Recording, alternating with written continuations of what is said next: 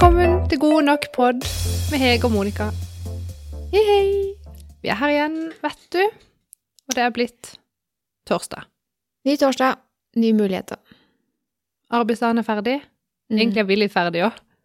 Oppi Vi- hodet, i topplokket, mener jeg. Der er, det, der er det ferdig nå. Men vi setter på record for det om, ja. og kjører på. ja, det er litt sånn der eh, spille inn podkast på tomgang. Ja, det skal vi nå forsøke.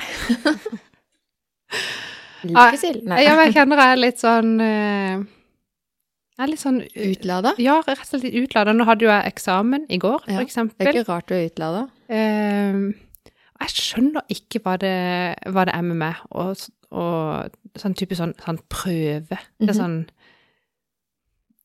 Det er mulig det er noe med at liksom jeg har blitt voksen, og så er det liksom en annen, et annet voksent menneske skal drive og sånn vurdere eh, hvorvidt jeg greier å presse gjennom og få vist noe kunnskap på superkort tid. Mm. Jeg satt her i går i fire timer og skulle svare på tre sånne såkalte langsvarsoppgaver. Mm. Sant? Drøfte og dra inn teori og og så videre og så videre, sant? Du vet. Mm. Kildehenvisning og greier. I og med at jeg er hjemmeeksamen og hadde boka tilgjengelig, så liksom kommer det som sånn ekstra eh, greier oppå alt. Mm. Og da er det liksom Skal du om å gjøre liksom få vist fram det du har lært av på den bitte lille tida. Ja. Og jeg som vanlig prøver å dele ut liksom, ja, nå skal jeg bruke en halvtime på det, en halvtime på det, en halvtime på det, og så har jeg på alarm, sant, og så sånn at jeg liksom skal være sikker på å rekke alt. Mm. Men så begynner jeg jo altfor detaljert med en gang.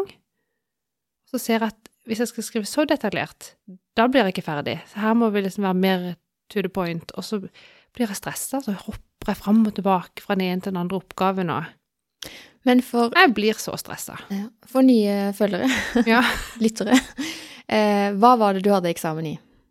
ja, det var eh, digitalisering, organisasjonsutvikling og endringsledelse. Og det var i går. Det Du var i går. hadde fire timer. Mm. Det er egentlig en tre timers eksamen, men fordi at det korona og hjemme og teknikk og alt sånt der, så fikk man en time ekstra. Ja, for fire timer. Um, og det endte med at du trykka på lever-knappen, eller ble den slukt? Den ble slukt, eh, sånn som den har blitt før.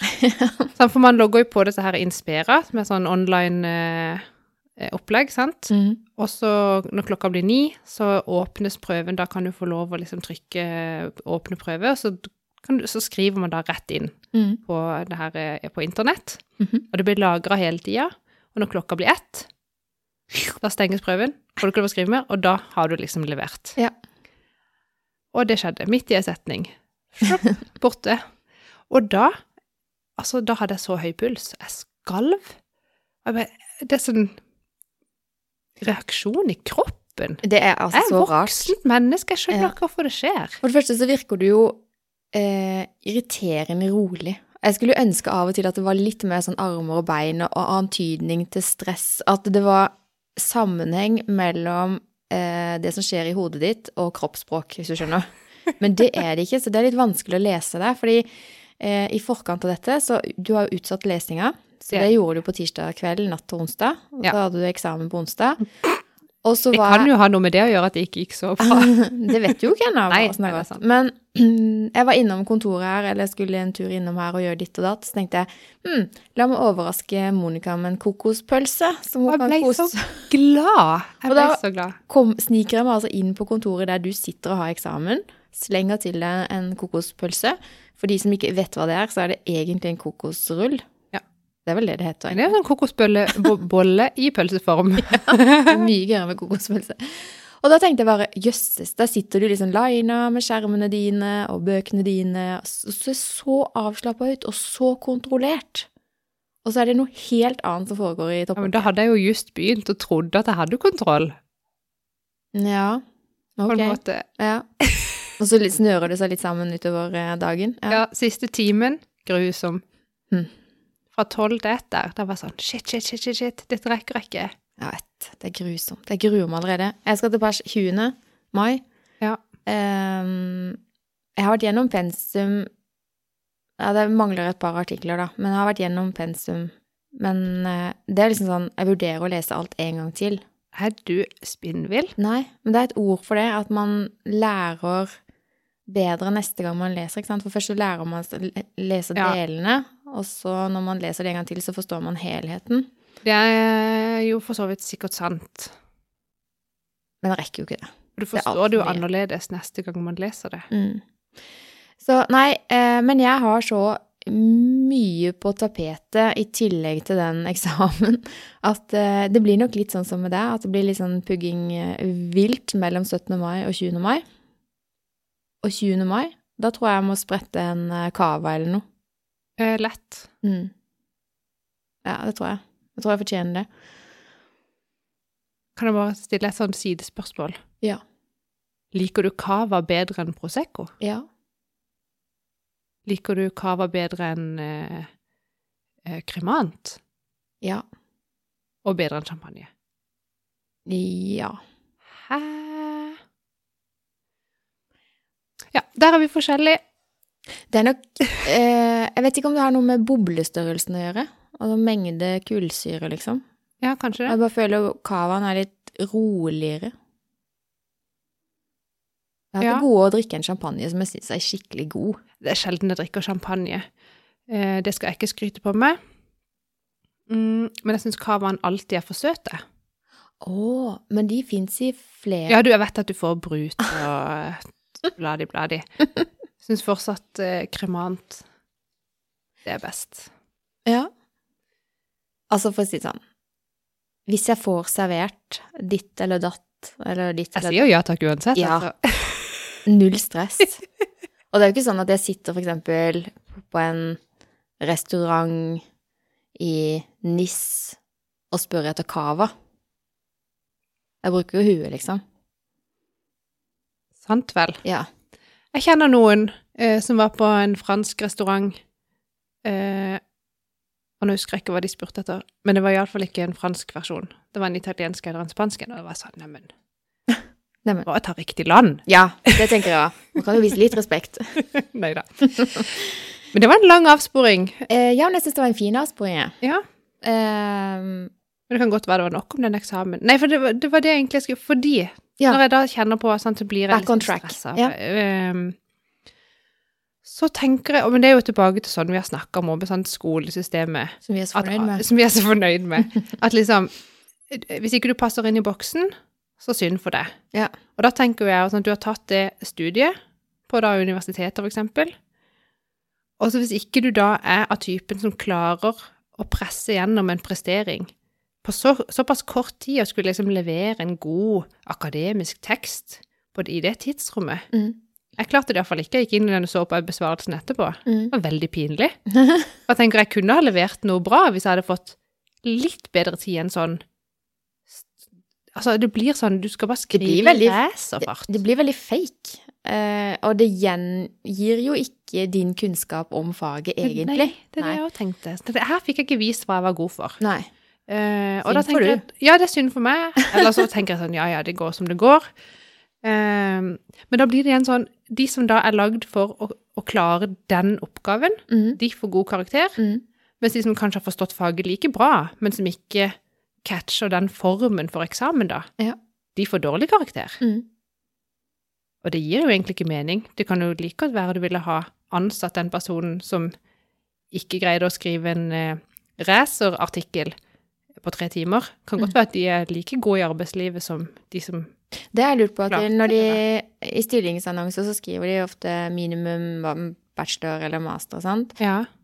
Mm, I hvilken grad tror du de går inn og ser spesifikt på karakterene? Har ikke peiling. Hvis det var meg som skulle ansette noen, så hadde jeg ikke kikka på det i det hele tatt. Nei. Men nå er jo ikke jeg Alle, holdt jeg på å si.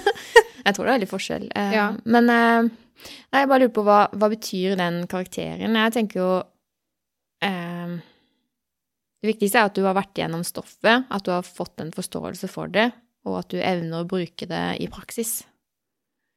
Eh, og hvis du i en jobbsituasjon hvor du faktisk trenger å bevise at du har tatt det, så er det jo liksom å Ja. Ja, det er veldig sant. Men det, er, det ligger sånn grunnleggende i oss mennesker at eh, man vil eh, Man ønsker jo å gjøre den oppgaven man er satt til, på en måte. Det ligger så i og da, sånn, Oppgaven er jo å gjøre eksamen, og den er jo gitt egentlig gjør det bra. Mm. At her blir du vurdert og skal få en karakter. Mm. Så har vi jo lyst til å strekke oss etter den der A-en, da. Ja, ja. Um, men det er det jeg lurer på om tror, For det tenkte jeg også på før denne eksamen, som jeg jo har utsatt å lese til. Mhm. eh, Noe veldig. Um, sånn at jeg satt jo og leste de to siste kapitlene natt og onsdag, som du sa. Mm. Da hadde jeg jo ikke lest de før. Har jeg vært på forelesning da, fulgt nøye med? Mm. Det jeg, det lærer jeg mye av. Um, men så tenker jeg, er det fordi hvis jeg da får en dårlig karakter, så kan jeg bare lene meg på at ja, men jeg gjorde jo ikke mitt beste. Skjønner du? Mm. Tror du at, det, at jeg er så dum at jeg lurer meg sjøl på den måten her? Det tror kanskje jeg. Ehm, må jeg svare? Nei, jeg vet Jo, men jeg tenker Jeg hvis jeg hadde virkelig gjort mitt aller beste, lest, forberedt meg, osv., osv., Mm. og så gjort det dårlig, Mm. så hadde det vært kjipere enn hvis jeg sa ja, ja, men jeg Men slumper er, meg jo, jo bare gjennom. det er jo sånn jeg holder på. Fordi når jeg skal opp til en eksamen, så gjør jeg mitt aller beste i forkant. Altså, jeg leser og pugger Ja, og gjør gjør mitt ytterste for å liksom forstå virkelig. Og likevel, når jeg sitter der på eksamen og får tre timer på meg Ja. til å prestere, så går jeg i lås. Eh, Ja, ja. Selvfølgelig så coacher jeg meg sjøl i forkant, og har fått hjelp av andre til å coache meg i forkant, men likevel så får jeg nærmest litt sånn blackout, altså. Det er helt forferdelig. Skjelven kommer over meg. Angsten, og sikkert noen traumer fra skoleårene i barndommen, jeg vet ikke. Men øh, jeg mestra det ikke. Og hadde det vært en øh, muntlig eksamen, eksempel, øh, så hadde jeg prestert mye bedre. Det er jeg sikker på. Sant? Fordi at eh, når jeg sitter der og er nervøs, og vet at så mye avhenger av denne karakteren, eksempel, så klarer jeg ikke å slappe av, og da funker jo heller ikke det kognitive apparatet Nei, som det skal. ja, nei, så liksom stusser over at vi liksom Utsetter oss sjøl for det, eller at vi blir utsatt. Ja, og at, at, vi, at systemet da tenker at de som presterer godt i denne formen, det er de beste. Ja. Det syns jeg er veldig rart, egentlig. Ja. Faktisk. Uh, og dette kommer jo fra ei som gjennom skolen på ungdomsskolen og videregående bare fløyt gjennom, leste pensum med en gang, huska alt. Og hadde liksom femmer og seksere på veldig mange prøver. Ikke for å skryte, men jeg hadde sånn veldig lett for det, da. Ja. Um, så, men det er liksom det som jeg syns er så rart. At liksom, hvis du er god til å pugge og huske ting kort tid, Mm. så får du liksom klapp på skuldra. For dette husker du ikke nå. Nei. Men jeg kunne lese der og da, huske det, gå på skolen neste dag, Skriv det ut. skrive ut årstall og datoer og you name it. Null stress. Mm. Fikk god karakter. Ja. Det er forskjell Men jeg er jo ikke noe et bedre menneske enn de som ikke greide å huske 1814, eller Skjønner du? Nei, vi mennesker er forskjellige. Jeg er i den andre enden av skalaen at eh, jeg har ikke fått noen ting gratis. Jeg har måttet jobbe for det. Eh, og sikkert kanskje overjobba for det òg, skjønner du. At eh, det blir for mye. Jeg burde heller tatt meg en løpetur kvelden før eksamen istedenfor å sitte og nilese hele natta. For det er jo bare så mye man får plass til. Eh, ja. Så alle sånne bøker som jeg leser om eh, Hva het den siste boka jeg leste? Men sånne hjerneforskerbøker, det finnes jo mange av de. Mm. Eh, og de sier jo det at eh, med hensyn til eksamen og sånn, så ikke les siste dagen, kom deg ut, ha fokus på noe annet. Ja, vær fysisk aktiv videre. Men da fordrer det at du har lest før den siste Eh, dagen. riktig det, Monica. Ja. Men eh, apropos, jeg fikk jo en snap, og det så ut som at du var på joggetur eh, tirsdag kveld. Det stemmer. Det var fordi du hadde vært ute og fått så mange skritt på klokka. Ja. Sånn drit i det, det var jo deilig. Og så tenkte jeg, la meg gjøre det. For da trengte jeg komme litt ut av huset. Ja. Mm. det var vittig at du bare lo. Du bare sånn ha-ha-ha, du vil heller løpe enn å lese til eksamen. og det er jo helt riktig.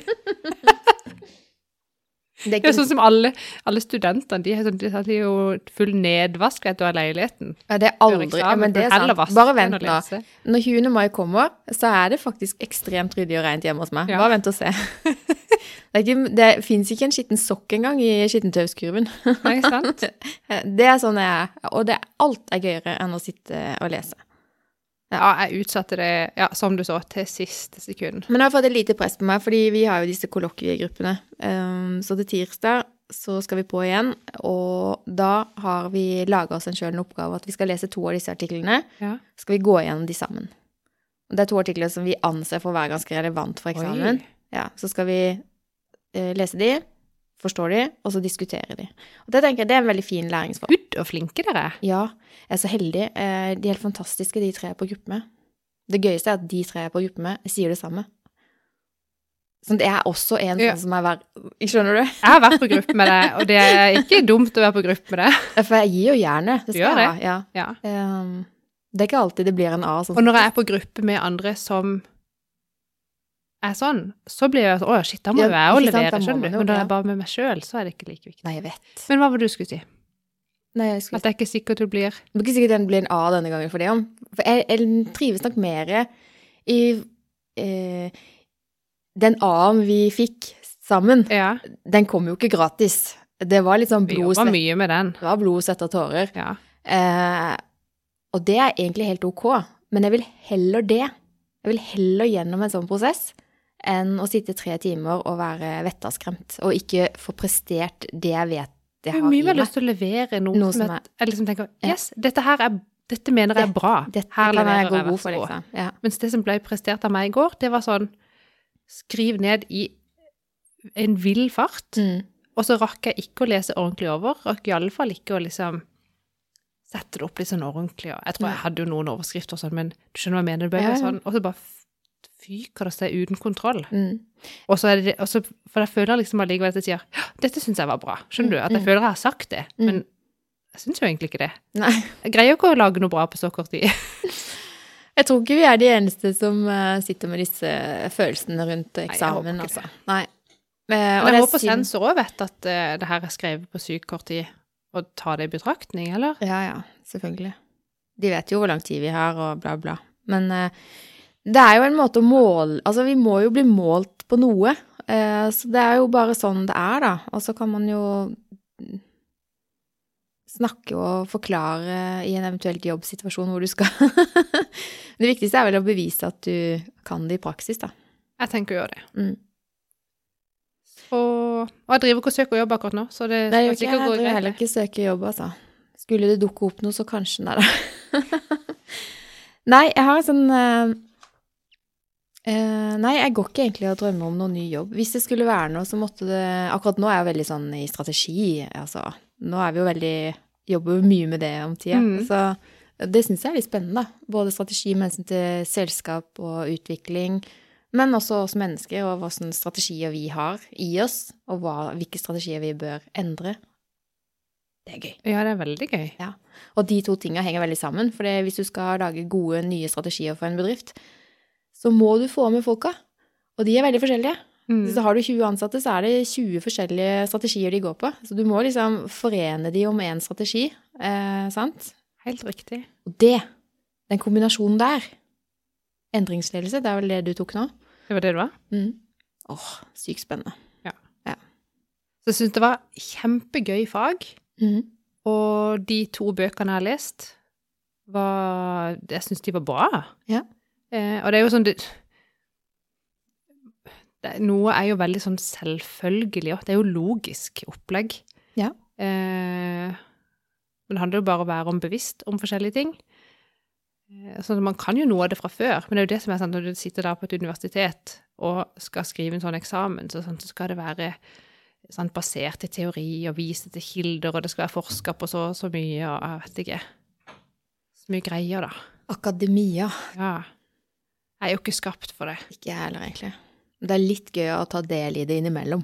Ja, så jeg er veldig glad for at jeg nå har tatt de fire kursene på UiA. Mm. Eh, 30 studiepoeng har jeg nå tilegna meg, så sant ikke jeg stryker på den eksamen her. 30, var det 10 per fag? Nei, syv og et halvt.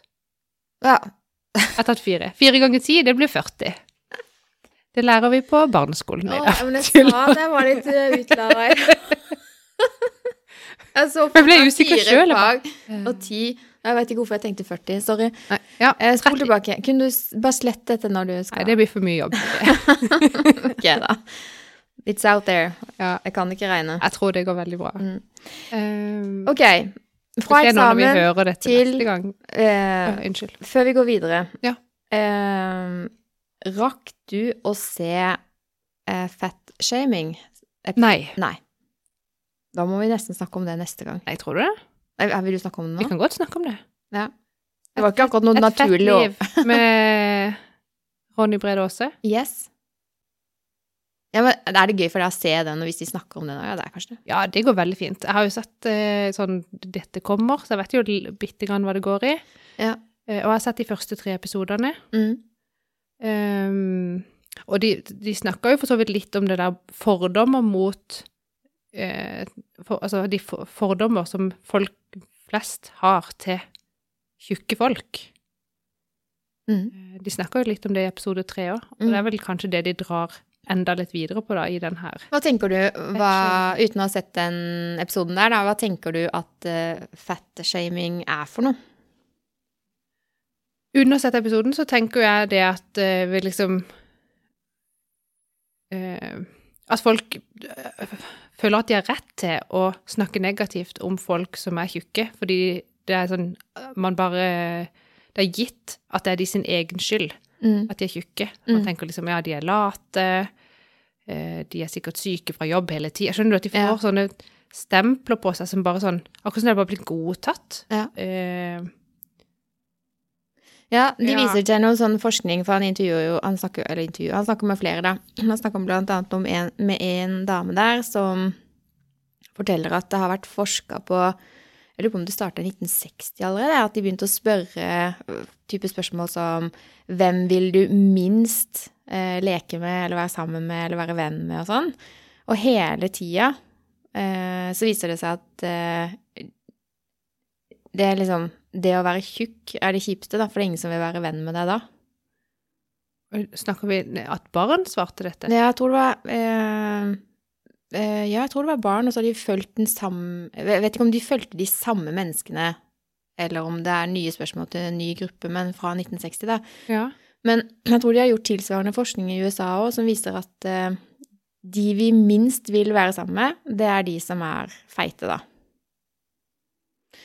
Og Det er etter det så er det de som har eh, fysiske vansker, da. Så han Ronny som sitter der med øyet sitt og er Ja. feit, han sa liksom ah, to av to, check, check. Men han har jo masse venner. Han har masse venner. Hele Norge elsker han jo. Ja, så det, er eh, noen andre ting som spiller inn her også. Det er jo det. Mm, heldigvis. Men det var en ehm, ehm, Det er en, det er en fin eh, serie, egentlig. Ja, jeg har lært eh, en del, eller sånn lært ting om både meg sjøl og Altså lært ting generelt, men òg vært litt sånn Blitt litt sånn bevisst på egne holdninger òg. Mm. Men eh, ja. altså, jeg kjenner jo jeg, har, jeg, jeg kjenner jo kjempemange mennesker som har en for høy BMI. ja, det er jo nesten alle. Ja, og det å ha litt for høy BMI er bedre enn å ikke ha for høy BMI, skjønner du? Jeg har altfor høy BMI. Ja. Du kjenner meg? Vi skal ikke snakke om BMI-en min. Jeg syns BMI er noe dritt. ja. Uh, ja, det, det, det, skjer- det går meg jo litt feil ut. Jeg skjønner jo at man må ha noen sånne tall her, da. Eh, Jo, men du vet når de driver med statistikk. ja, ja. Da snakker de ned alle som har høy BMI, og så snakker de ned alle som ikke har utdanning. Ja. Så der, jeg går rundt med sånn vandrende greie som Det er rart at du klarer deg, Monica. Ja, det er egentlig det. Statistikken det. sier at det burde gått rett vest Ja. med deg. Men se nå her. Se på meg, da! Men jeg tror ikke du liker under den der kategorien alvorlig fedme, som han havna på. Eh, nei, nå husker jeg ikke hva Det er lenge siden jeg har målt på dette, men det er iallfall eh, overvektig. Jeg Ja. husker ikke hva de heter, de der eh, trinnene. Du ser smashing ut, så jeg hadde ja, dritt i det. Men jeg fikk meg, i går når jeg satt og så dette her, eh, så kan jeg jo dele en eh, Skal jeg dele litt fra privatlivet mitt? Ja, det syns jeg. Um, det er så mange år siden nå, så det det er bare sånn historie fra gamle dager, da. Men det er lite snakk om bulimi og anoreksia for tida, syns jeg. Eller sånn, ikke at det gjør noe, men det er veldig lite snakk om det. det ja. eh, når jeg blar gjennom Instagrammen min og sånn, så er det veldig ofte litt frodige damer som viser kroppene sine, og som er stolte. Ja.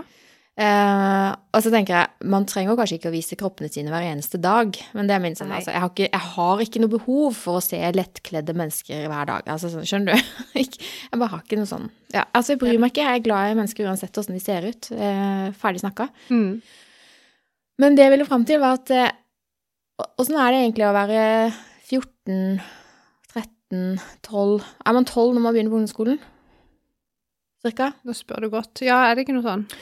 For når jeg begynte på ungdomsskolen, det begynner jo å bli noen år siden, da. Ja. Men det bare det kom, Alle disse minnene kom til meg i går når jeg satt og så på dette her med fatshaming, at uh, jeg var veldig glad i å danse når jeg var typisk ungdomsskolen, da. Da dansa Mm. jeg kjempemasse. Og jeg hadde ikke råd engang til å gå på alle de dansetimene jeg hadde lyst til. Eh, så for å få råd, så vaska jeg dansestudio. Det, altså jeg var vaskedame på dansestudio og kunne da danse så mange timer i uka jeg ville, med unntak av noen sånn profesjonelle som var litt eldre enn meg, da. Um, men sånn finansierte jeg min Kult. dansing. Men jeg har jo alltid vært stor. Akkurat som Ronny, så har jeg alltid vært stor fra jeg var liten. Um, og det uh, var jo ikke spesielt bra når jeg skulle drive med jazzballett. Uh, men så når jeg kom på ungdomsskolen, så fikk jeg et tips om at eh, å ja, ja, men bare spy. Du fikk et tips av noen. Ja, ja. Så vi var en sånn vennegjeng der som, som spiste og spøy. Eh, og sånn holdt jeg jo på helt til eh, Jeg begynte vel sånn ja, i slutten av syvende, for det syvende var jo ungdomsskolen før. Ja. Ja, så da starta jeg med dette her og begynte å forske litt på hva type mat som var best å spise, som var lettest å spy. Eh, og, og ja. Så begynte, Shit. ja, så jeg, jeg var utrolig godt trent på det, og dette her holdt jeg på med da hele syvende, åttende, niende, første, andre og tredje på gymnaset. Så seks år, da, med spying. Og klarte å holde dette her i stor grad i Men du, du greide å slutte med det bare helt av deg sjøl? Nei, det gjorde jeg ikke. Det er jo mange ting som virker inn der, men det viktigste for meg var å se bra ut i dansestudio. Ja. Men jeg var jo veldig glad i mat. Og eh, selv om jeg spydde opp veldig mye, så klarte jeg jo ikke Jeg var jo aldri radmager. Jeg ble jo aldri kjempetynn. Sånn. Så jeg var jo fortsatt eh, en frodig ungdom, selv om jeg Ja, man blir jo ikke nødvendigvis tynn av å ha bulimi. Nei. Ehm, så det var vel allerede da jeg skjønte at det har jo ikke bare med mat og trening, det må være andre ting òg som Og det er jo egentlig det han tar opp i dette programmet, at det er så mange prosesser i kroppen som skjer. Mm. Uh, stress, eksempel, og det var jo stress. Uh, jeg, jeg, må, jeg hadde lyst på mat, kunne ikke spise. Hvis jeg spiste, så måtte jeg passe på å få spydd, ikke sant, og, og alltid gjemme meg vekk, sette på vasken, bråke litt så ingen hørte det. Skjønner du? Eh, det var jo et styr i alle de åra. Ja, det er helt riktig. Og på gymnaset da i tredje klasse, eh, eller begynte vel egentlig på slutten i andre klasse, da var det ei venninne som tok meg til sida, eh, og så sa hun 'Hege, hva er det du holder på med?' Og jeg bare 'Hva er det du snakker om?' Eh, Nei, men jeg ser jo at du ser jo syk ut, Hege. Eh, Du er bleik, du er blå på lippene, du ser trøtt og sliten ut, hva er det som skjer med deg? Altså, hun hadde ensa at nå er det et eller annet galt, da. Og så sa jeg, altså jeg sa jo at det var jo ingenting. Så sa hun det at jeg ser at det er noe, og du kan velge sjøl å fortelle det til meg, eller så snakker jeg med eh, gymlæreren. Vi hadde en veldig hyggelig gymlærer. Ja. Um, og da tenkte jeg uff, skal hun begynne å blande seg? Og nå har det jo gått så fint i så mange år. Herregud. skjønn? Ikke bry deg om meg, da. Ja, ikke bry deg om meg, da. Jeg overlever dette. Eh, men så endte det jo med at jeg måtte fortelle dette til gymlæreren min, da. Så tenkte jeg det er jo noe møkk, for han var jo god venn med min mamma. Ja. Så tenkte jeg bare nå er jo veien kort eh, dritt. ja. Og så eh, Nei, så ble jeg jo kalt inn på teppet, da. Måtte ta en prat med denne gymlæreren. eh, Og selvfølgelig så måtte jeg ta en prat med mammaen min, og så ble det jo satt i gang noen tiltak, da. Eh, Og løsninga var at jeg skulle snakke med en sosionom. ja. Så så å si hver Jeg tror det var hver 14. dag jeg gjennom hele tredjeklasse på gymnaset, så var jeg oppe på sykehusområdet der og snakka med en sosionom. Og det var egentlig veldig behagelig, for jeg hadde jo mange ting på hjertet i Mm. ungdomsåra som var godt å snakke om, og godt å få litt fokus og perspektiver fra en voksen dame som ikke var mamma eller pappa, eller som Ja. Så Ja, ja. alle de samtalene, de var gode samtaler, da. og, men hun, eh, i sitt skriv, da, til eh, eh, de som skulle ha svar på hvor syk jeg var, Ja. Eh, så fikk jeg beskjed om at eh, eh, hun kunne ikke gi meg noe diagnose bulimi, fordi jeg var for bevisst på hva jeg dreiv med. Jeg var for kognitivt til stede, og eh, jeg, var, ja, jeg var for bevisst på hva jeg dreiv med, da. Så jeg fikk aldri noe diagnosebulimi, men jeg fikk en eh, oppskrift på hvordan jeg kunne komme over dette, og det var å flytte fra Arendal og eh, få nye mennesker rundt meg eh, som ville kanskje stille andre typer krav, og at jeg skulle komme meg vekk fra det miljøet jeg var i. Og det var jo litt av grunnen til at eh, jeg endte opp i Paris etter eh, videregående. Jeg, jeg, jeg sitter jo bare og måper ennå, for de som ikke ser meg, hvis de bare kan høre meg. Ja, for du visste ikke dette? Jeg, synes det, jeg er helt sjokkert. Nei, jeg visste det ikke, og så syns jeg òg det var litt sånn snodig tips. Bare flytt av sted, da Ja. går det sikkert bra. Ja, men det var for liksom Ja, komme meg vekk fra eh, de eh, Ja, de inputene jeg fikk fra venner og familie som hadde ført til at jeg havna i en sånn situasjon, da. Og det, det å reise til Frankrike var jo ikke noe, ikke noe styr. Var, jeg var pisseredd. Jeg våkna opp i Paris første morgen der og fikk beskjed om å gå og handle. Og jeg hadde fått en eh, toer i fransk på gymnaset. Jeg tenkte bare hva i helskotte har jeg gjort, liksom? Men jeg regner med du er glad for det etterpå. Veldig glad for det. Men det er jo eh, eh, det å komme ned dit og skulle være au pair og passe barn eh, For å si det sånn, det var ikke sjans i havet å få sneke seg unna og spy. Eh, så det som ble spist, det ble også fortært i sin helhet. For det, var, det å komme seg unna der eh, med unger i hælene og sånn, det var vanskelig. Mm. Eh, og i Frankrike så er det jo enda mer sånn hvit mat. Eh, Loff, bagetter Ja, ja. og smør. Det er jo, og, ja, det er ikke det. Det er jo bare Jo. croissanter og smør og sukker og ja, mel. Reiste ned dit i august og skulle hjem tre uker på juleferie. Kom ned igjen da i begynnelsen av januar og hadde gått ned syv kilo. På tre uker hjemme i Jula. så, ja. Eh, så kroppen var en mulig jojo-situasjon. eh, Jo, men ja. ja. Men eh, eh, nei, jeg slutta å, å kaste opp, og jeg gjør ikke sånn lenger. Det, det er borte. Og om det er fordi at jeg kom ned dit og fikk andre miljøer og fokus, det, det kan nok være. Shit. Men altså, i alle de åra eh, så var det liksom bare én venninne. Eh, det var sikkert flere som, var, som kanskje visste Vi var jo flere som holdt på, men vi snakka ikke om det, hvis du skjønner. Ja. Um, Så det var ikke noe sånn Vi snakka ikke om det, men alle visste. Så dette, hun som tok tak i meg, var jo ikke en av de Mm. i den gruppa, da. Jeg syns det var veldig bra at hun gjorde det. Jeg er veldig takknemlig i dag Ja. uh, at hun gjorde det. Det Og jeg vet ikke om hun sjøl Vet. Det eh, hvilken effekt hun har hatt på meg, da. Bare ved å liksom gi meg den Enten gjør du det sjøl, eller så gjør jeg det. Skjønner du? Det er jo en kjempeveiskille i livet, holdt jeg på å si. Ja, ja, ja. Så da var det alle korta på bordet. Um, men jeg bare tenker hvor mange hvor, eh, hvor mye skjer det i dag? Jeg synes det er så Ja, det er, Det er mye snakk spørsmål. om dette her med å være feit, og man skal like den kroppen man har, og, men det har endra seg, for det var jo en periode det var ekstremt mye prat om bulimi og anoreksia. Ja. Men det, jeg syns det er lenge siden jeg har hørt om Jeg de. Det er ikke, nå har ikke jeg noe statistikk på dette, Ikke på heller. ingen måte. Ikke. Eh, men jeg tror, det som jeg tror, ut ifra det bare det jeg ser i sosiale medier, Mm.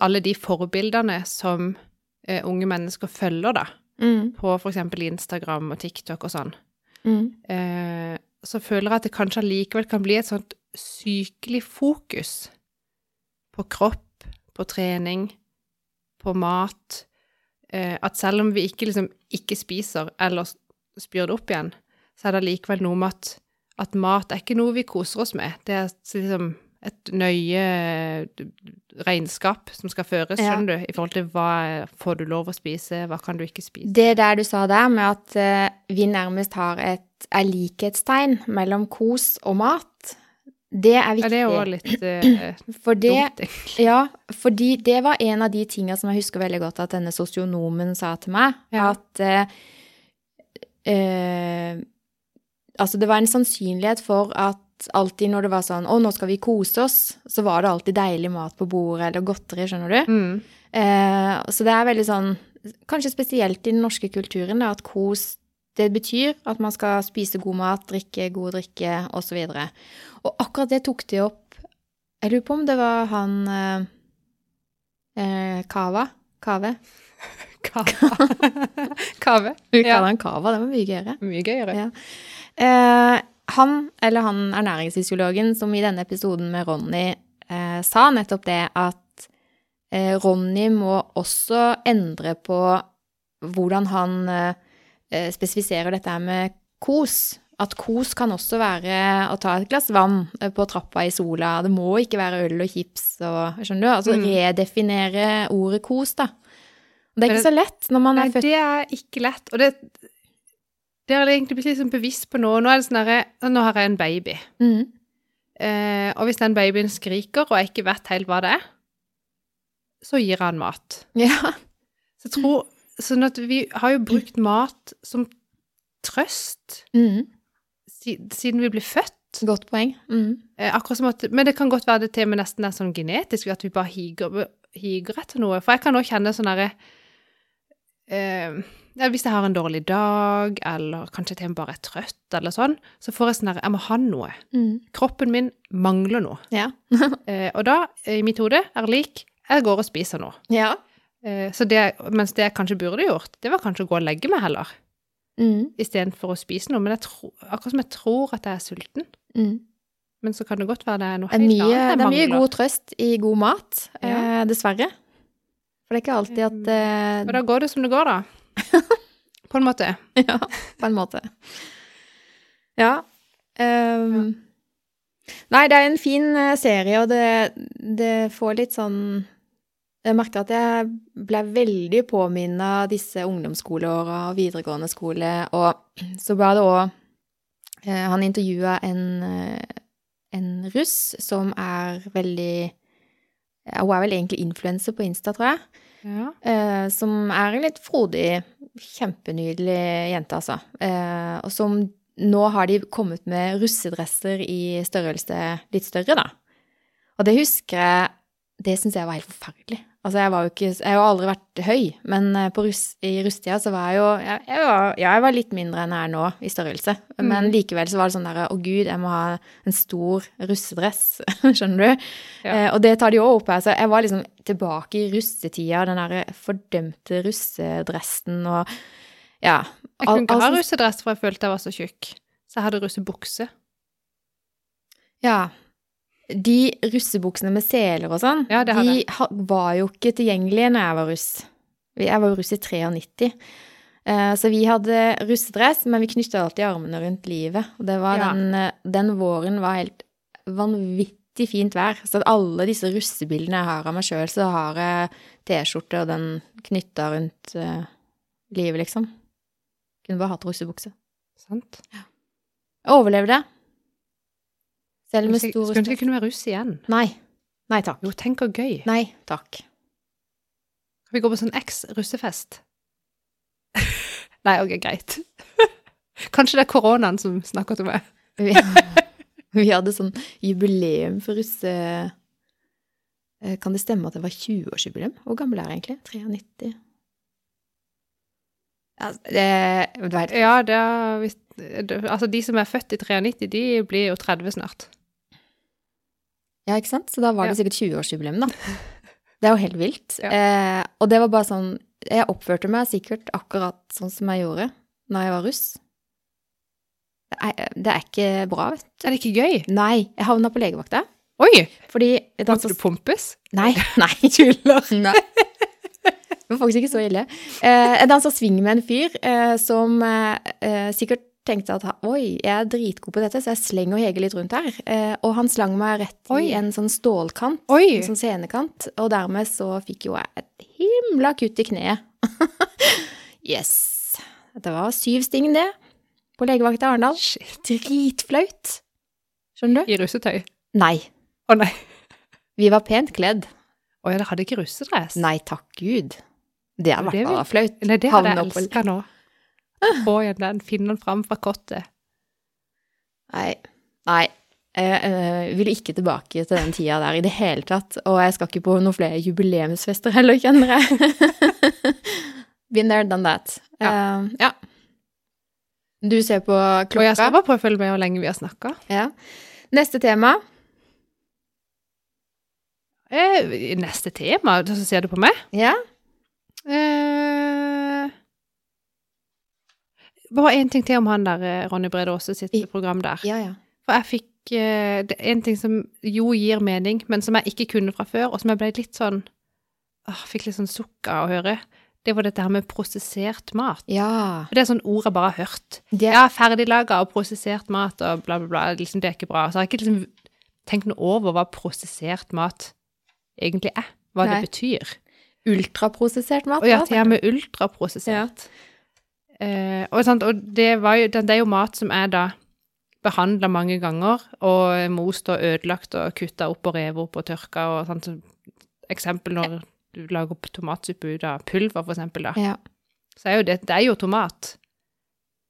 Men det er likevel ikke eh, For sånn, Du er ødelegger cellene. Ja, du ødelegger cellene. For sånn, når du har en tomat, så er den full av celler. Mm. Og så inni hver celle, der ligger liksom næringa og vitaminene og sånn. Men det jeg ikke catcha helt der, det var liksom Jeg skjønner at posesuppe eh, kan være fint, altså, men eh, hvis du da kjøper med deg hjem tomater, da, Ja. og så lager du tomatsuppe på ordentlige tomater, Ja, hvis du fortsatt moser de, så er vi jo like langt. ja, da blir, men da tenker jeg at da blir det prosessert, mens den der tomatsuppa, som du får fra Toro, Ja. det må jo da være det de kaller for ultraprosessert. Ja. At det er litt bedre å mose det sjøl. Hvorfor det? Jeg vet ikke, men da, og da moser jeg det ikke like fint heller. Da, blir det, da er det litt mer sånn grovhakka, skjønner du? Ja. Som i hakka tomater. Men ble, ikke- jeg, så ble jeg litt sånn usikker. Eh, og kanskje akkurat grønnsaker. Mm. Hvorvidt de Men for problemet her er jo, når da cellestrukturen blir ødelagt, Mm. så eh, blir all næringa mye lettere tilgjengelig for kroppen. Så når dette her da går gjennom magesekken og i tarmen, så tar man det opp mye lettere. Mm. Jobben, for kroppen trenger ikke å jobbe for å liksom få tak i maten, på en måte. Nei. Um, og da Kroppen, fyker det jo ja, Ja. kroppen bruker ikke energi uh, på å hente opp de næringsmidlene som kommer gjennom. Nei, og da vil han jo både få mer næring enn han kanskje trenger, fordi det er så lett tilgjengelig, og jobbe, Og slippe trenger å bruke-. Ja, slipper å, å jobbe for det, liksom. Mm. Um, Summa summarum, ikke så bra. nei, jeg tenker det er jo ikke så bra. Og jeg sier jo ikke at at du aldri skal spise potetmos igjen, Jeg håper ikke det.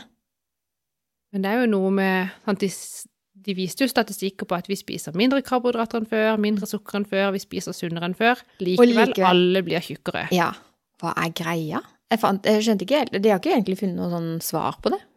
Nei, det er litt trist. Mm. Ja, faktisk. um, men da var jeg litt sånn Å nei, er det enda en ting jeg må vite? For det er jo noe med dette her. Ja. Det er jo så mye vi skal kunne. Tenk på den, den maten maten du må mose for barna dine. Jeg tenker den babyen her, han får jo ikke noe annet enn prosessert mat. Nei. Det der babygrøten, hva er det, liksom? Mm. Jo, ris som er så fint som sandkorn. Ja. Ikke bra. Ikke bra.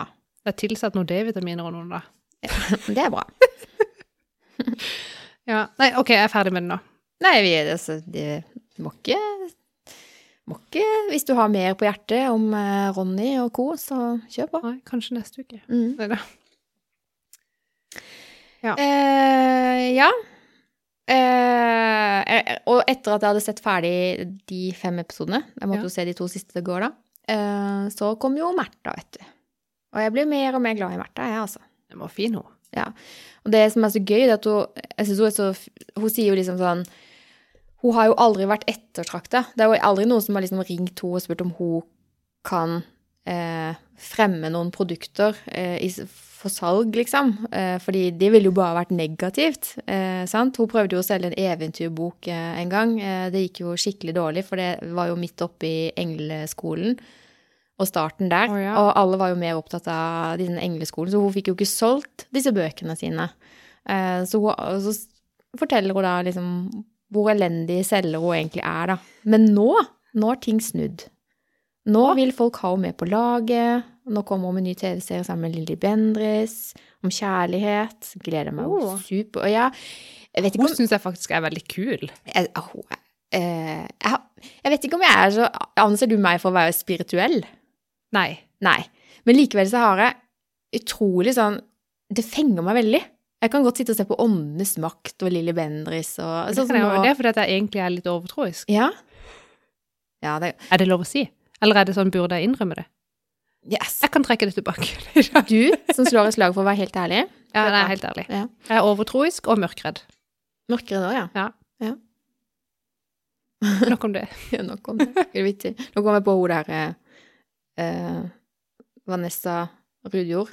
Ja, Var det hun som ønska seg å bo egentlig litt sånn på landet? Var det hun? kanskje. Men hun er så mørkredd eller husredd, så det går jo ikke. Nei, nei, men jeg òg Nei, det her burde jeg ikke si høyt. Egentlig i tilfelle barna mine hører på. Fordi at når jeg ble mor, skjønner du, eh, så er det akkurat som man blir litt sånn tøffere. Ja, Og da skal du tøffe deg foran barna. ja. ja. Eh, og liksom hvis jeg tenker at noe egentlig er litt At jeg syns det er skummelt, men jeg vet i logikken min at det er ikke farlig, mm. så bare tar jeg på sånn der eh, Hei da, unger, det går så fint. Så jeg husker en gang vi skulle inn eh, liksom i skogen, og jeg tror, lurer på om min bror type eller noe sånt var Han var ute i skogen, de skulle overnatte ute. Og så skulle vi gå og si hei til de, eller være med og grille bål eller noe. Det her var jo på høsten, så det var mørkt. Ja. Selv om ikke det var så seint. Og da måtte jo vi gå kanskje 300-400 meter eller noe med hodelykter i skauen der med og da Annemik og Arne. Mm. Jeg var jo egentlig livredd. livredd. Men sånn så vet jeg, nei, det er ikke farlig. Det er en helt vanlig skog. Min bror er 400 meter unna her. Jeg tipper hvis det hadde skjedd noe, skulle han sikkert bare ropt høyt, så hadde han sikkert kommet løpende. Ja. Og så var de jo litt sånn nei, det var veldig skummelt. Jeg bare Nei da, det er ikke skummelt. Vi gikk, skjønner du. For da bare akkurat som jeg må tøffe meg Man opp. blir tøffere. Ja. ja. Jeg, Men rå- det jeg tar òg edderkopper nå, lett som ingenting. For å bli sånn Nei da, det er ikke farlig. Bare se her. Skjønner du. Så blir Ja. jeg hun der.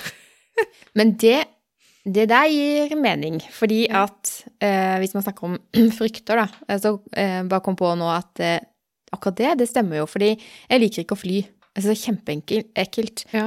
Og når man liksom tar av fra, og det begynner å riste og sånn, så jeg kjenner bare åh, ja. jeg ønsker meg elsewhere. Um, men da var det en gang eh, det gikk Altså, det var skikkelig ille. Altså, det var skikkelig ille. Jeg tenkte bare nå, nå er døden neste. ja. Vi var der. Og så eh, vet jeg ikke hva som skjedde med hun som satt ved siden av meg, men hun, det var akkurat som hun fikk sånn panikkanfall. Altså, hun, hun var helt eh, Helt shaky. Altså mer enn meg, liksom. ja. Og da fikk jeg på en helt annen maske og tone, for da tenkte jeg eh, Hun kan ikke ha det sånn. Da ble jeg helt sånn der eh, Plutselig så var jeg bare helt sånn bevisst på at hun her må jo ha hjelp. Eh, så da ja, ble jeg altså så rolig, tok hånda hennes og sa dette går kjempefint, jeg har vært med på mye verre enn dette, og skjønner du? Satt der og prata henne gjennom Ja. dette, og så landa vi. Og, men så fikk jeg sånn etterskjelv, da. det var sikkert sånn adrenalin som måtte Ja, ut av kroppen etterpå. Men i sånne settinger så blir man bare Det er jo som hvis du kommer først til et ulykkessted, du blir jo bare Du har ikke noe valg. Du må bare Må bare fikse det, Ja. liksom. Du har ikke tid til å være redd da. Du må Det, det må du ta etterpå. Ja. Så det, er Så sant. Ja. Så kanskje man får litt mer av den eh, når vi får barn, ja. Jeg lurer på det, at det er liksom ikke nødvendigvis morsinstinkt, da, men det er noe med den derre Jo, du skal liksom Ja, omsorg og beskytte, Ja. ja. Mm.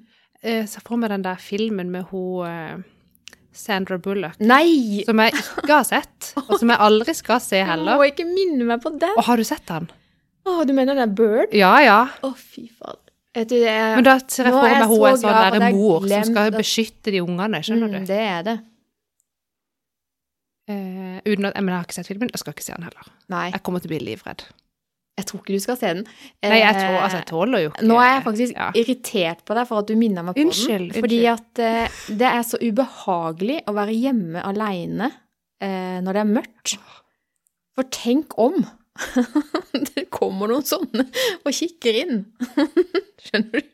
Ja, Det er grusomt. Ja. Men nå må du egentlig se den filmen. Nei, nei, jeg skal aldri For dette, det er sånn, jeg angrer jo fortsatt på at jeg så Villmark. Mm. Og det var jo ikke i fjor. Nei.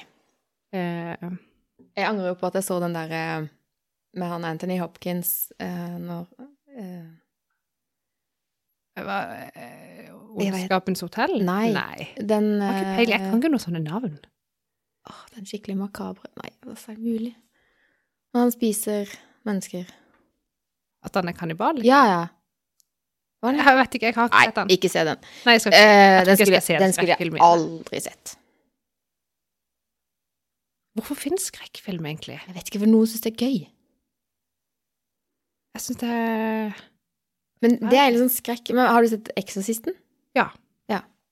Den har du ikke noe traume med? Uh, Nei, for det blir så unaturlig. Ja. Ja. Det kunne aldri skjedd. Det som, er mer, altså det som er mer spooky enn filmen, det er jo at ni av de som deltok på det settet, døde under innspilling. Hæ? Ja, det er bare Jeg har hørt det før, da, så plutselig så dukka det opp en sånn eh, Hvorfor det? Men var de veldig mange folk på jobb? Holdt på å si? Sikkert ti, da. Sånn Ni. Jeg var på Snap. Sa du ni av ti? Nei, nei. Var, jeg skal se om jeg ser den. Eh, Men på Snapet så får du sånne abonnementsgreier, og så er det masse sånn reklame. Og så Ja. bildet av hun eh, eksorsistjenta opp. Ja. Eh, og så var overskriften da 'Hvorfor døde ni på settet?' Ja, nå er den borte. Det er sikkert fordi jeg har sett den, da. Ja. Eh, jeg fikk ikke noe svar på det. Men det er sånn Det er mer spooky enn selve filmen. ja. Ja. Men det er også, den der Blair Witch Project, da, den var jo veldig sånn hypa opp. Ikke hørt om. Vil ikke høre om, tror jeg. Nei. Men den har jeg sett, men jeg syns ikke det var så skummelt. Kanskje jeg ikke skjønte det. Men det er forskjell på Sånn som Ondskapens hotell. Den er jo skummel, men den er jo ikke grusom-grusom. Den med han der. Anthony Hopkins som jeg ikke husker navnet på, den er bare, den er jo bare så ufattelig ufyselig. Altså, den er skikkelig sånn Ja. Og samme med Bird. Ja, den skal jeg ikke se. Å, fytti katta. Den uh, sliter jeg med ennå, altså. Uff a meg. Bør ses. Nei, jeg er såpass glad i naturen at jeg kan ikke, hvis det er sånn at jeg blir redd for å gå ut, det blir litt for dumt. Ja, det blir for dumt. Jeg er helt enig. Vi må slutte å se sånn tull. Ja. Eh, apropos eh, Snap og sosiale medier og sånn. ja. Jeg har et eh, behov for å fortelle verden om hytta mi. Og jeg sliter med å finne ut om skal jeg legge hyttebilder ut og hashtagge på min private konto. Eh, det er jo egentlig ikke nok for meg, for min private konto, der har jeg venner jeg vet hvem er, som jeg føler meg trygge på. De kan se bilder av barna mine og sånn, så der slipper Ja. jeg ikke inn hvem som helst. Nei. Men så har jeg liksom modige tanker da, Ja. eh, som egentlig skal være litt sånn coaching-retta selvfølgelig. Men så blir jeg jo frista til å fortelle litt om meg selv og, og gi litt av meg sjøl der òg. Ja. Og, og hytta er jo en del av meg sjøl for tida. Eh, så da ja, absolutt. så legger jeg ut litt der, så tenker jeg det er sikkert ikke så greit, men jeg gjør det likevel. Men hva er fasiten, Monica? Hvor mange liksom, Instagram-kontoer bør man ha? Og hvis man, er opp, hvis man har hobbyer, da bør man ha en Instagram-greie per hobby?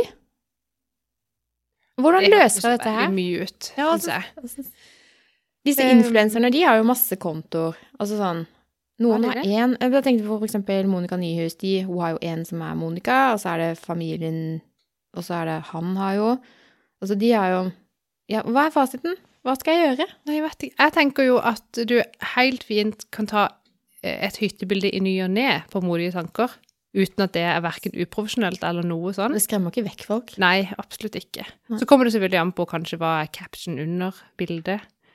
Ja, det blir jo mye egoistisk eh, fråtsing, da. det er altså sånn Se hva jeg har! det gjør jo det. Ja, Det blir jo skrytebilder. ja, Det passer seg kanskje ikke. Jeg vet ikke. Jeg har ikke funnet løsninga. Jeg har Nei, jeg liksom vet lyst til å fortelle verden om det, og så Ja. har jeg ikke noen kanal. Jeg skjønner hva du mener. Men jeg tenker å ha enda en konto, det er jo veldig mye jobb. Det er veldig mye. Og det er jo veldig mye jobb å skal jobbe seg til følgere på den kontoen. Ja. Eh, så det er bare sånn av hensyn til din egen, og Nei. om din egen tid, så vil jeg jo anbefale å ikke gjøre det, iallfall. ja, fordi det er jeg ikke så opptatt av, de der følgerne, egentlig. Men når du Hvis du har på en privat konto, og så hashtagger du masse, Ja. så vil jo ikke de bildene, selv om du hashtagger, bli tilgjengelig for andre enn de som er eh, eh, har tilgang til sida. Eh, så det hjelper jo ingenting. Men hvis jeg da hashtagger på eh, Modige tanker sin Insta-profil, Mm. eh, så er det jo tilgjengelig for andre hytteelskere som ser de samme hashtagene. Riktig. Og det er det, de er jo ikke interessert i å følge meg fordi jeg driver med coaching, og det har jeg full forståelse for. Så jeg forventer jo ikke at jeg skal få Ui! Altså, skjønner du? Det er bare jeg har behov for å fortelle de som syns det er gøy med hytte, at eh, sånn har vi løst det. For jeg Ja. følger jo masse hyttekontoer sjøl. Elsker jo hyttekontoer. Ja, sant. Nei, du spør godt. Jeg syns du skal komme med fasiten. Ja. Lat som det er eksamen nå. Eh, La oss som eksamen. Nei, men det jeg gjorde sjøl, da Mm. eh, For jeg hadde òg en privat, og så hadde jeg en jobb, og så solgte jeg jo den jobben. Mm. Eh, og så var jeg Solgte sånn jobben, faktisk. Ja, gjorde jo det. Hadde Butikkpikene, som hadde, for så vidt har en Instagram-konto. Eh, men da var jeg sånn Og så når jeg da Sånn, sånn som nå vi holder på med podkasten, har lyst til å liksom det, det høres jo veldig flåst ut, men liksom prøve å ha en sånn slags branding rundt meg sjøl som person, men at jeg kan være mange ting og gjøre mange ting. Mm. Men til ikke liksom bare være sånn Monica Hattrem heller. Men Ja. Så derfor oppretta jo jeg bare en egen profil som heter helt ekte god nok. Mm. Eh, og der tenker jeg der har jeg litt jobb, litt podkast, litt privat, litt barn, litt trening Men det er ikke trening, en eh, businessprofil. Det er en helt vanlig privatprofil. Eh, Ja, det er jo det på Nei, jeg, jeg tror Ja, det husker jeg faktisk ikke om jeg har det som en sånn bedriftskonto eller ikke. Nei. Men jeg tenker jo hvis jeg plutselig en dag for eksempel eh, skal skrive en bok, Ja. eller plutselig så er podkasten vår eh, stor og kommersiell, hvem vet? Hvem vet? Så tenker jeg at den Instagram-kontoen er fortsatt den jeg skal bruke. Ja. Den kan romme alt, den. Den kan romme alt, ja. ja. Det er der jeg har dritt meg litt ut. For det, eh, på min private Hege Beate-konto Mm. eh, så deler jeg enkelte bilder også av barna. Ja. Eh, men nå er de så store at det, det, gjør jeg jo ikke nå uten samtykke. Eh, Nei, det gjør ikke jeg. Eh, så det som ligger der, det har de samtykka til. Men det betyr jo ikke at jeg har fått lov til å åpne opp den kontoen for hele verden. Eh, så den forblir privat. Ja. Men ja, jeg tenker òg, hvis jeg Det er avsporing, men Mm. sant, hvis jeg spør eh, sønnen min på åtte, da Er det greit jeg legger ut dette på Instagram? Han har jo ikke noe formening om Han kan ikke egentlig ta stilling til hva det egentlig betyr. nei. Så selv om han sier ja Nei, du må jo være den som tar Ja, jeg må jo være den eh, ja. kritiske her. det må du. Si. Ja. Og der tenker jeg veldig sånn Nå har jo jeg opplevd det jeg har opplevd i min barndom og oppvekst, og tenker at eh, man vil jo alt, som, alt vondt som har skjedd, vil man jo ikke skal skje med sine barn, så man vokter seg jo. Altså, kan de bli mobba Mm. for dette, så er det jo ikke interessant å legge ut. Altså, det er jo veldig Ja. Hvert bilde jeg legger ut, er veldig gjennomtenkt. Så derfor, men uansett så er den, den er privat. Men tenker du at den modige tanker-kontoen min, som egentlig er i bedriftsprofilen med hensyn til coaching, også kan romme eh, meg som menneske, da? Fordi det er jo jeg som går inn og coacher. Det er jo ikke flere i det firmaet. Det er jo meg. Ja, jeg tenker det. Ja. Og hvis modige tanker blir noe annet om tre år til, så gjør det ikke når det ligger et tre år gammelt bilde av hytta di der. Nei, det kan slettes, da. Nei, det kan bare ligge der òg. Ja, jeg syns, det, jeg syns akkurat det der med å Men hvis du vil bli sånn veldig interiørinfluenser, så må du ha en ny profil. Ja, Men, det, men det er mye jobb. det, det har ikke tid, ikke lyst. Jeg har bare lyst til å formidle noen bilder i ny og ne til Ja. venner og bekjente og litt mer. Sånn har vi løst det. Jeg syns det er veldig gøy å se andre hytter òg. Sånn har vi løst det med hensyn til hems, eller vi har lite bad, vi har gjort sånn. Skjønner du? Sånn Mm. tips og triks, liten hytte. Eh, så tenker jeg, da, siden jeg syns det er gøy at andre deler, så kanskje noen syns det er gøy at vi deler litt. Det er helt sant. Ja. ja. Ok, så med Jeg med følte ikke jeg hjalp Nei, nå. nå. Men egentlig. med måte så er det ok. med måte. Ja, så får vi se, da. Hvis jeg mister masse følgere nå fordi at jeg har lagt ut et hyttebilde eller to, Nei, det tror jeg ikke. da, da skal jeg endre strategi. Mm. Men Yes. apropos hytte og bad og Ja, For nå har du jo vært oppe på hytta. det ja, har jeg. Jeg måtte en tur opp der i går. Ja, jeg blei altså Det var så gøy å komme inn der, fordi nå er det lenge siden jeg bare har sett bilder, og så er det liksom ikke Det har ikke vært plass til meg, og noen må jo ta seg av jobb og barn og alt sånn hjemme mens de bygger der oppe. Men nå fikk jeg muligheten i går, eh, og bare det liksom å komme inn i gangen der og se flisene ligge der, ferdig, holdt på å si sparkla og på plass, eh, det var litt gøy. Mm. For én ting er å liksom velge disse flisene i butikken, men det er gøy å se de på gulvet sånn de skal være. Ja, selvfølgelig. Ja. Nei, det var veldig Altså, jeg ble glad, jeg. Jeg gleder meg sykt. Så er det sånn Det er veldig stas. Ja, det er sånn enkelte ting som jeg bare Hvorfor, hvorfor kan ikke ting bare liksom være perfekt? Nå har vi fått uh, levert et kjøkken uh, med feil vask montert i benkeplata. Og, og leverandøren, eh, de liksom Dette fikser vi, ikke sant? Og det er greit. Men det tar jo bare mye lengre tid, sant? Ja, det er klart det. For den er jo montert nå, for Rolf visste jo ikke at det var feil før jeg så at å, dette er jo feil vask, skjønner du. Så den er jo montert. Eh, så nå må vi bare vente til Mannfolk. Nei. Nei, han, nei. Men altså, alt ordner seg jo, men det er bare sånn, ting tar så lang tid. Sånn som så kjøpte vi svarte kraner til vaskene, Ja. pakker de opp, og så er de jo eh, Jeg skal ikke si leverandør eller noe, for jeg skal ikke shame noen her. Jeg skal heller ta bilde av det når det blir bra. Mm. Men det var sånne der lakkskader på. Jeg bare sånn Åh, er det mulig? Kan ikke jeg bare av og til få ting levert som faktisk er 100 Hvorfor, hvorfor er det alltid sånn at det er noe som Nei, jeg vet ikke. Ja. Men det er småplukk i den store sammenhengen. Jeg gleder meg helt sykt til at vi får eh, strøm og vann og kan begynne å vaske og flytte inn. Så kult, altså. Mm. Ja, det er, å, det er så staselig. Og når jeg ser sånne bilder, så blir jeg sånn der Å, jeg vil jo egentlig ha et fint bad. Hjemme i huset, altså. Har ikke du akkurat fått et fint vaskerom? Vil du ha bad også? Ja. veldig kravstor. Men vi har tre bad. Nå høres det ut som vi har dritsvært hus. Det har vi ikke. Tre bad, faktisk. Eh, det er vel, det og alle tre knøttsmå. Eh, det ene er bare toalett og vask. Mm. Eh, det er egentlig to av de er toalett og vask. Der har det vært badekar, men det er det ikke lenger. Og der er det skråtak, og det er knøttlite. Eh, og så nede i kjelleren, der er det ikke vindu. Der er det da do, vask og dusj. Mm. Men alle er sånn små, og ingen er sånn Jeg tror jeg skulle forklart det, men det er ingen av de som er sånn et rom der du liksom trives med å være med, så har jeg ikke egentlig tenkt noe så veldig over det. Men sånn, nå har jeg jo sett masse fine bilder når du driver og holder på der med bad. De bader på hytta vår, de er ikke store, altså. Nei, men allikevel uh, at det er litt sånn ordentlig. Ja. At det er et bad, Ja. som du kan kalle et bad. Ja. Mine bad er jo et rom med do og vask. men det er ikke det samme. Nei. Eh, du har kanskje ikke vært på alle mine bad? Jeg har vært på det ene i den midterste etasjen. Ja, det er jo det kjipeste av alle. Å ja, men jeg syns ikke det var så verst. Ja.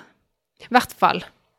Så har jeg ikke tenkt liksom så veldig mye over det. Det er jo veldig mange penger, det er veldig dyrt. Oh, ja. Eh, vi lever godt i dette huset, det går helt fint.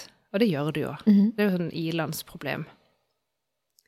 Men så, eh, nå oppi alt dette her, og vi har snakka mye om bad og sånn, så, kom, så er det, går det en eh, reklame på um, Discovery Pluss, for jeg har den billigste varianten av det, så dere ser på reklame, kommer i eninga, og det er de samme igjen og igjen og igjen. og igjen, og igjen. Der er det en reklame som, er, som fikk meg til å bli sånn herre For et viktig rom badet egentlig er. ja. For det er sånn eh, Jeg tror det er fra Porsgrunn eller noe, den reklamen. Det, det er iallfall noen sånne badegreier. Eh, veldig lang historie for å komme inn på en Veldig spent. TV-reklame. Jeg er veldig spent. Ja. Eh, men den var så fin, den reklamen, for den eh, tar deg liksom sånn gjennom livet, og ting som, som skjer i livet som egentlig er veldig sånn privat. Mm. Eh, sant, hvor du liksom begynner med at du er på sant, Du blir bada i badekaret, sånn type av foreldrene dine.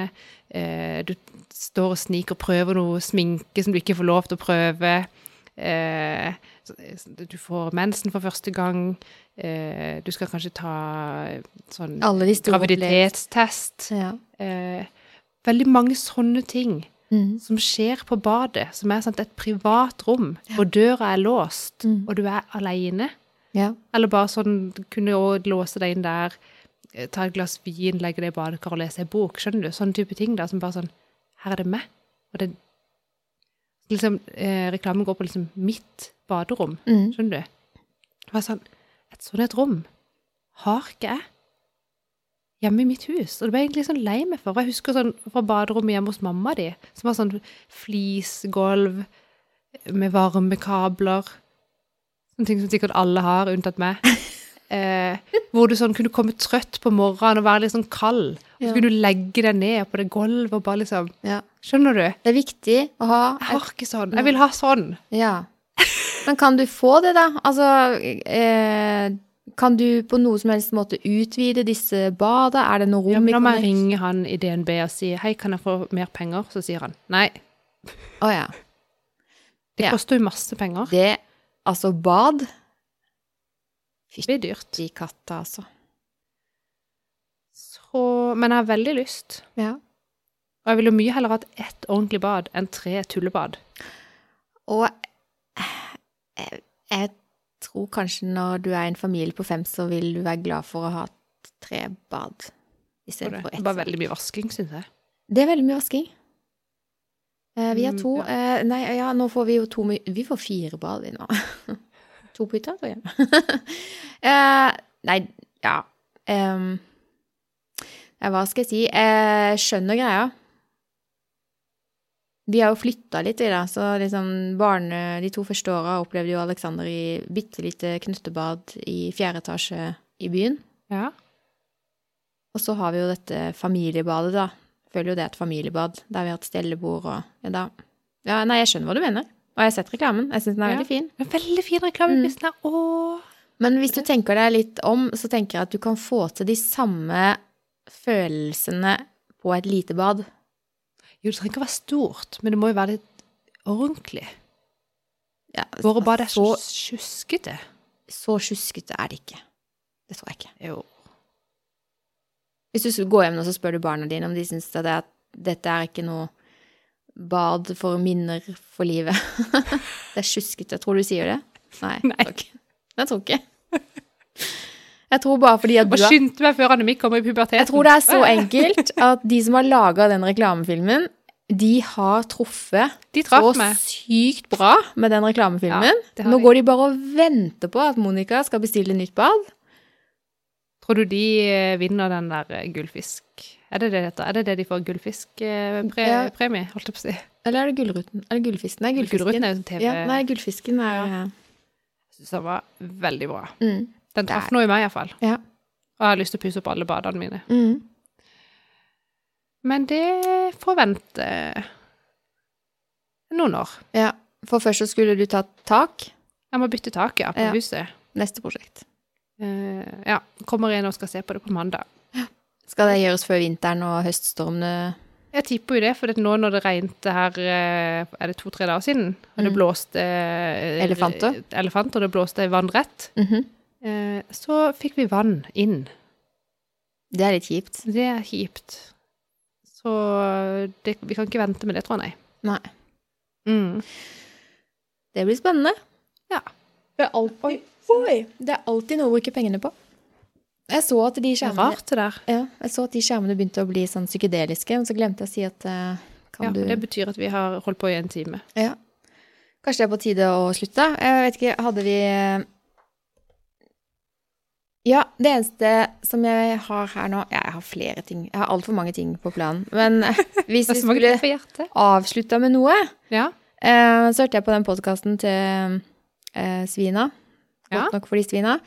Eh, hvor hun, Anita, har starta, eller i hvert fall vært med å starte, noe som heter vrimle.com.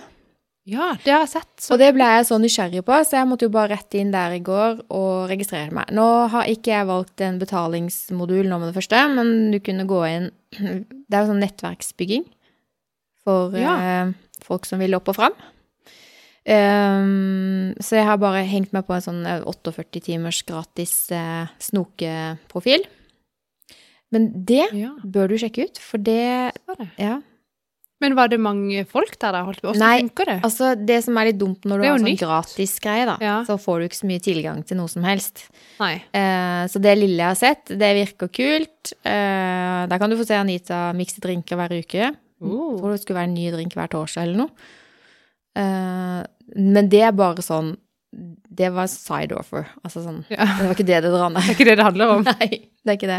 Men det er nettverksbygging. Altså kanskje du har en idé og trenger folk til å, å drodle med, eller kanskje ny jobb. Altså Jeg syns hele konseptet var kjempekult, og det er seriøse greier. Eh, De har redaktør. eh, Drittslenging vil bli Altså, da er du utestengt. Eh, Det er ikke mulig å være anonym. Det har jo vært mange forsøk på type sånne nettverksgreier på Facebook, eksempel sånne grupper. Ja, for meg. Ja. Det blir Søppel. Jeg har til gode å liksom finne en gruppe der det er Der det funker bra, da, for det er litt sånn Med en gang hvis noen stiller et spørsmål, da, for eksempel, Mm. så vil du jo bare få eh, masse svar av folk som har lyst til å selge sine egne tjenester, ja. eh, som gjerne kanskje til og med snakker ned konkurrenten for å fremme seg sjøl og bli sånn Ja. gidd. Er det mye vas. Ja. Det er enkelte grupper på Facebook som jeg bare tenker at dette gidder jeg ikke. Jeg melder meg ut. Jeg har ikke noe behov for å liksom si ha det. Skjønner du? Jeg bare Nei, melder meg ut i stillhet. Og jeg blir også for eksempel sånne gründergreier, da. Mm. Jeg syns jeg er så synd på de eh, som prøver å få et vettugt svar, så får de jo egentlig bare veldig mye Bombardert Ja, blir bare bombardert med, med dårlige tips. Ja, og har du eh, Ta en runde ting, liksom. Tenk på det, og har du Altså, ja. Ja. Det, er, det er mye drittslenging. Altså, ja. Um, og så er det noen, selvfølgelig mange sikkert, som er veldig hyggelige. Blant annet en sånn eh, Bavaria-gruppe. Båtgruppe. Ja. Som vi var med i, for vi hadde jo Bavaria. Eh, det er så koselig. Alle er så snille. Altså, spør du om noe der, så får du fantastiske svar. Eh, og det er et eh, must, da, at du skal være hyggelig der og hjelpsom. Ja. Eh, men den gruppa funker, så selv om jeg har solgt båten, så opprettholder jeg mitt medlemskap der, for jeg vil jo ha en ny Bavaria, eh, bare fordi at den gruppa eh, Da kan jeg få hjelp, skjønner du? Jo, men Og det syns jeg at den Tesla Owner Clubber Det er jeg ikke med engang. og Hæ? Nei. Jeg, Den, det funker òg veldig bra. Nå er jo ikke jeg, det jeg er ikke så bilgeekete som mange av de som er der, nei. men der er det sånn Ja, Jeg burde egentlig vært der for litt tips. litt. Ja. Mm. Ja, nei, Facebook-grupper, eh, der er det mye rart, altså. Velg med omhu. Ja, det tenker jeg. Ja. Men det er jo bare å forlate gruppa hvis man syns det er dritt. Ja. Men jeg skal sjekke det mm, Hva sa du det? Vrim... Vrimle, og det staves eh, vrimle.com. .com, faktisk. Mm. Det er på engelsk. Du må lese engelsk. English? It's- oh no. Oh yes. Nei, det virker kult. Har du ødelagt noe? Jeg vet ikke, jeg blir redd at ikke dette blir tatt opp. Men det Ja. finner vi ut etterpå. Kassetten har slutta å gå, da. Ja, det er det han har, så Mm. vi får bare se. Men eh, Eh, jeg har et lite avslutningssitat. Ja, Uh, så hvis vi er ferdige nå, så skal jeg lese. Oi, Ja. dunk. yes. Uh, når jeg så på Martha, hun sier mye gøy, og blant annet så kommer hun med ting som Ari Behn har sagt. Og den her eh, syns jeg var så fin i går, og jeg trengte den litt. Eh, og vi fremsnakker jo alt og alle, sant? Eh, skal i hvert fall gjøre det. Og det er plass til alle. Og så sier da Ari Behn det er plass til alle under solen. Nydelig. Det er det. Og med det så sier vi takk for nå. Takk for nå. Snakkes.